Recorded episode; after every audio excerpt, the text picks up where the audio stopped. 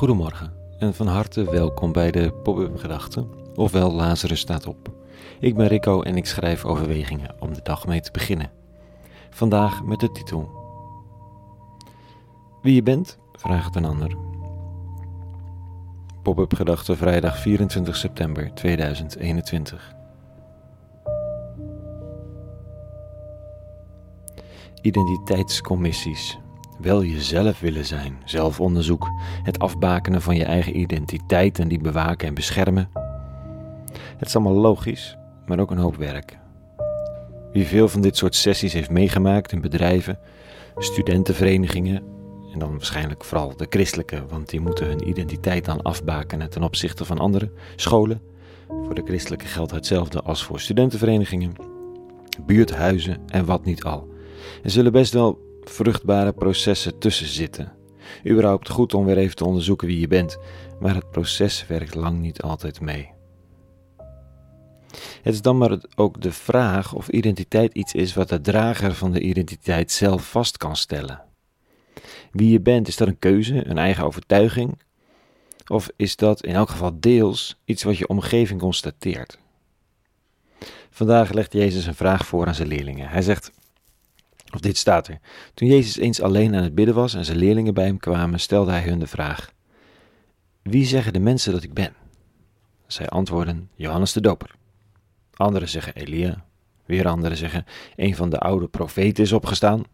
Hierop zei hij tot hen: Maar uh, jullie, wie zeggen jullie dat ik ben? Nu antwoordde Petrus: De gezalfde van God.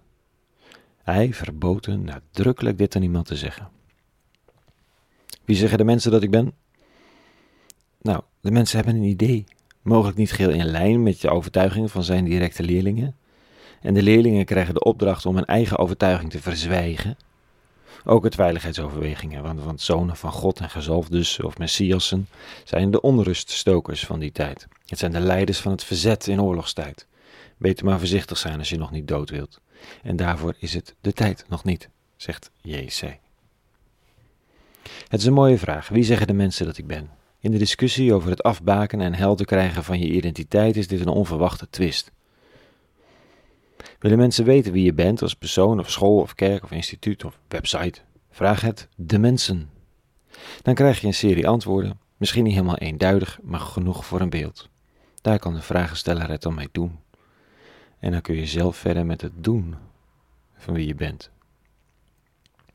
En welzijnsinstituut waarmee ik gisteren samen een podium deelde in een kerk om de luisteraars toe te spreken, is op een prachtige manier eigenwijs. Ze zien wat nodig is, kiezen onconventionele wegen en gaan voor de verbinding in de ontmoeting met wie dan ook. Wat hen ook wel eens de vraag oplevert wat voor club ze nu eigenlijk zijn.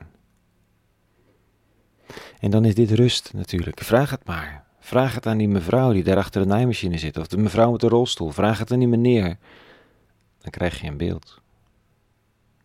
Dan gaat het opeens niet meer over de papieren die je op de plank hebt liggen en die een visiedocument vormen. Dan gaat het over, nou, over kinderen die bij de officiële opening van een nieuw gebouw met een lintjes knippende burgemeester, kinderen die krijt hebben gevonden en het plein beginnen te versieren. Dat net opgeleverde schone plein vol keurige steentjes. En dat dit goed was. Dat is dan je identiteit. Als je het aan de omstander vraagt die even komt kijken. Wie je bent, een ander ziet soms meer, heeft soms meer waardering of waardeert iets wat jou volkomen irrelevant lijkt. Het is soms heel gezond om het dan daar ook maar even te laten. En om die introspectieve vraag even te parkeren en dan te doen wat voorhanden is, liefdevol, met aandacht en met jezelf, als club of individu. Daar rolt wel een identiteit uit. Tot zover de pop-up gedachten, ofwel Lazarus staat op. Een hele goede vrijdag gewenst vandaag en een goed weekend. Maandag weer een nieuwe pop-up gedachte. En voor nu, vrede gewenst. En alle goeds.